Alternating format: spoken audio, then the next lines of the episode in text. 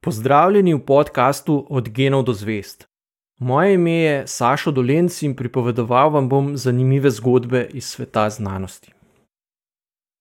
Skrivnostni svet jezikov. Med vsemi človeškimi iznajdbami ima jezik posebno mesto. Ključne tehnološke inovacije, kot so uporaba ognja, poljedelstvo, tisk, parni stroj in elektrika, so bistveno spremenile naš način življenja, a jezik nam je pravzaprav omogočil, da sploh postanemo ljudje. Žal ne moremo natančno določiti, kdaj so naši predniki začeli govoriti, a povsem jasno je, da je govorjeni jezik bistveno starejši od pisanega. Ljudje so zelo verjetno govorili že pred 100 tisoč leti, a pisati so začeli šele pred približno 5000 leti. Jezik je, če poskušamo na kratko povzeti njegovo bistvo, metoda za prenašanje idej iz ene človeške glave v drugo. S pomočjo glasov, ki jih ustvarjajo usta, ali z uporabo črt in pik na papirju, lahko prenašamo misli iz enih možganov v druge. Na jezik smo večinoma tako močno navajeni, da se sploh ne zavedamo, da ga uporabljamo. Zdi se nam, da misli kar čudežno preskakujejo med glavami, če se nam pri govorjenju ne zatika. Tudi razmišljati v večini primerov ni mogoče brez uporabe jezika, saj razmislek praviloma poteka kot nekakšen notranji pogovor, ki ga opravljamo sami s seboj. Jeziki so zgrajeni iz enot, ki same po sebi ne pomenijo ničesar, a jih uporabljamo kot gradnike, iz katerih sestavljamo besede, ki na to nosijo pomen. Običajno imajo jeziki nekaj deset različnih fonemov, kot imenujemo osnovne gradnike jezika, posamezni fonem pa zapišemo z eno ali več črkami. Odlična lastnost jezika je, da lahko s pomočjo nekaj deset fonemov oblikujemo neskončno različnih besed in stavkov. Nekateri jeziki poznajo tudi toneme, kar pomeni, da imajo isti glasovi izgovorjeni z drugačno melodijo različne pomene. V vietnamščini lahko glasova B in A združena v besedo ba izgovarjamo na kar šest različnih načinov, zato imata šest različnih pomenov. V zapisu na papirju te pomene medsebojno razlikujejo z različnimi strešicami nad črkami. Obstajajo pa jeziki s še večjim številom tonemov. Jezik niza, ki ga govorijo v Kamerunu, jih pozna kar enajst. Ocenjujejo, da ljudje po svetu govorijo nekje med 6 in 7 tisoč različnih jezikov. Ta številka je v resnici močno odvisna od načina, kako razlikujemo med jeziki in dialekti. Srbo-hrvaščina je bila nekoč en sam jezik, potem pa je razpadla na srbščino, hrvaščino, bosanščino in črnogorščino. Čeprav so zdaj to različni uradni jeziki držav, je za potrebe jezikoslovja srbo-hrvaščina še vedno en sam policentrični jezik, kot so to nemščina, angleščina ali francoščina. Na Papuji Novi Gvineji, ki velja za eno od jezikovno najbolj pestrih področji na Zemlji, je v rabi več kot 300 jezikov. Največ ljudi pa trenutno kot materin jezik govori mandarinsko kitajščino. Po številu vseh govorcev, ki se znajo sporazumevati v nekem jeziku, je sicer na prvem mestu angleščina. Slovenščina se uvršča med tri odstotke največjih jezikov sveta, tako da trenutno ni nobene bojazni, da bi ji grozilo izumrtje. Vendar jeziki tudi izumirajo. Na otoku Man med Veliko Britanijo in Irsko je še pred sto leti okrog 5000 ljudi govorilo jezik Manx, po drugi svetovni vojni pa je znalo ta jezik le še nekaj starcev. Nek ribič, ki je umrl leta 1974, je bil zadnji otočan, ki mu je bil manks materin jezik. Se pa zadnja leta trudijo, da bi jezik ponovno oživili. Ohranjenih imajo namreč veliko zapisov in zvočnih posnetkov, tako da ta sicer uradno izumrli jezik zdaj spet razume že okoli 1800 ljudi ali nekaj več kot 2 odstotka prebivalcev otoka manj. So si pa jeziki med seboj zelo različni. Za slovenščino se nam zdi, da ima veliko posebnosti, a obstajajo še bistveno bolj nenavadni jeziki kot je naš. Na svetu je okrog 400 jezikov, ki imajo dvojino, tako da slovenščina glede tega nikakor ni izjema. Obstajajo celo jeziki, ki imajo štirino in petino. Slovenščina pozna tri slovnične spale, medtem ko jih jezik, ki vunjo, ki ga govorijo v Tanzaniji, pozna kar 16. So pa tudi jeziki, ki slovničnih spolov sploh nimajo. V teh jezikih so vse besede istega spola oziroma so brezspolne.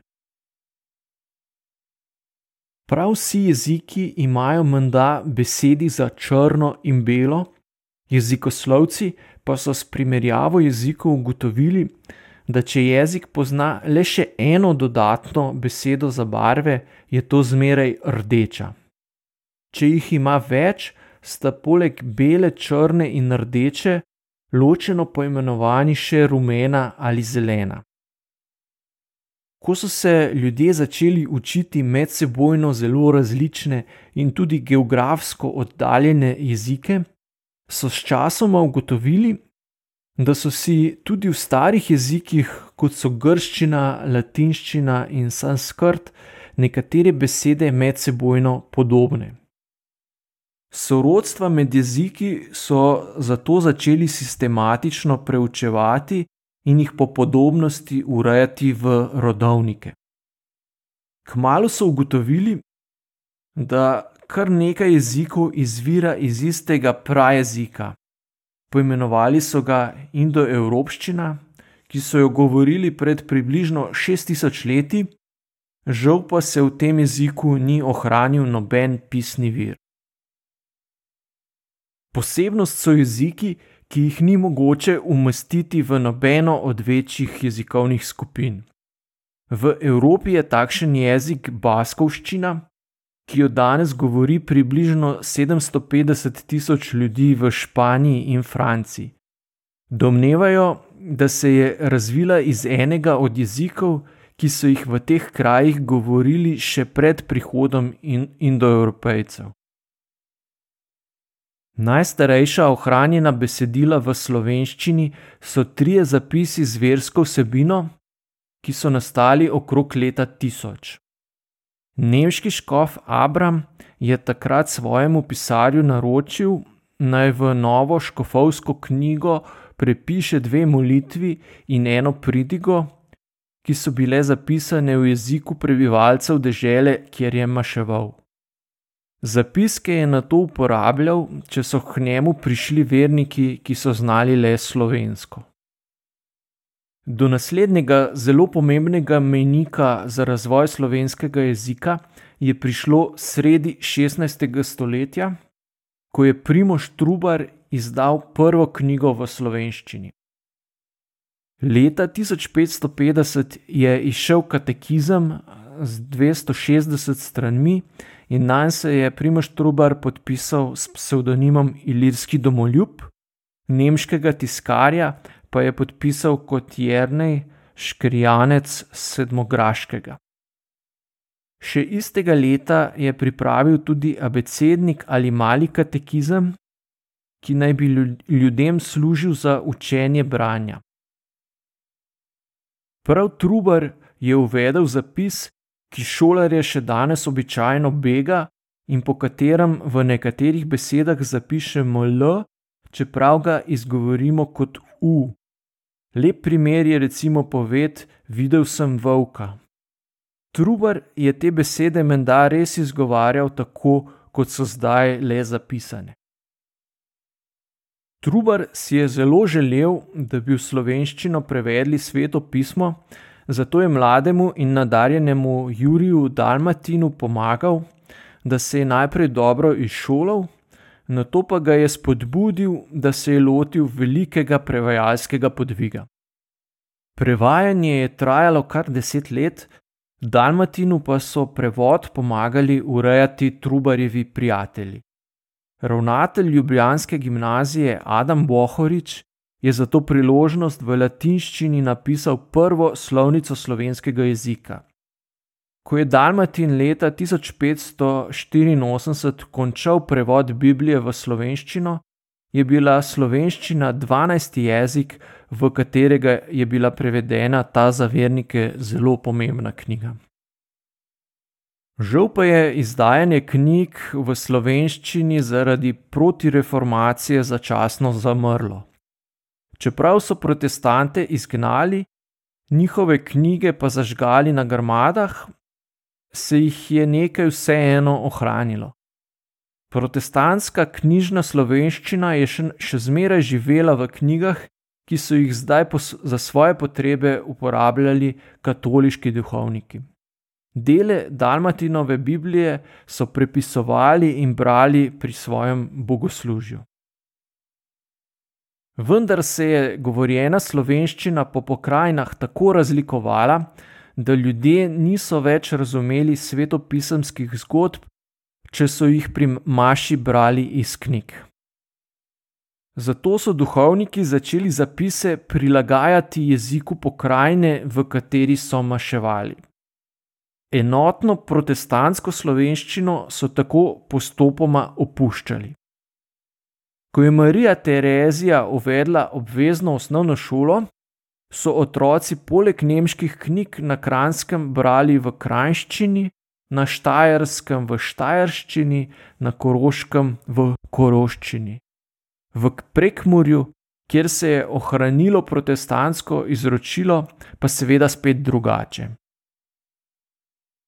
Na to se je nekaj učenih mož zbralo in iz različnih slovenščin naredilo eno samo, ki jo danes poznamo kot knjižno slovenščino. V tem skupnem jeziku so začele izhajati revije in časopisi, objavljali pa so tudi povesti in strokovne razprave.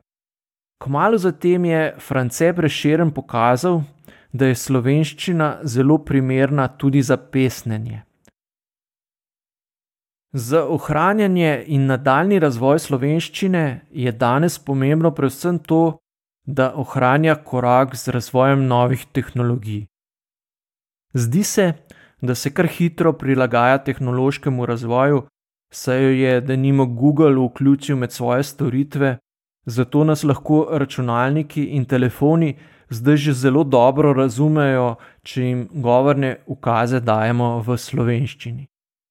Morda se sliši nenavadno, a bolje, ko bodo slovenščino razumeli pametni stroji, manj nas je lahko strah za njeno usodo.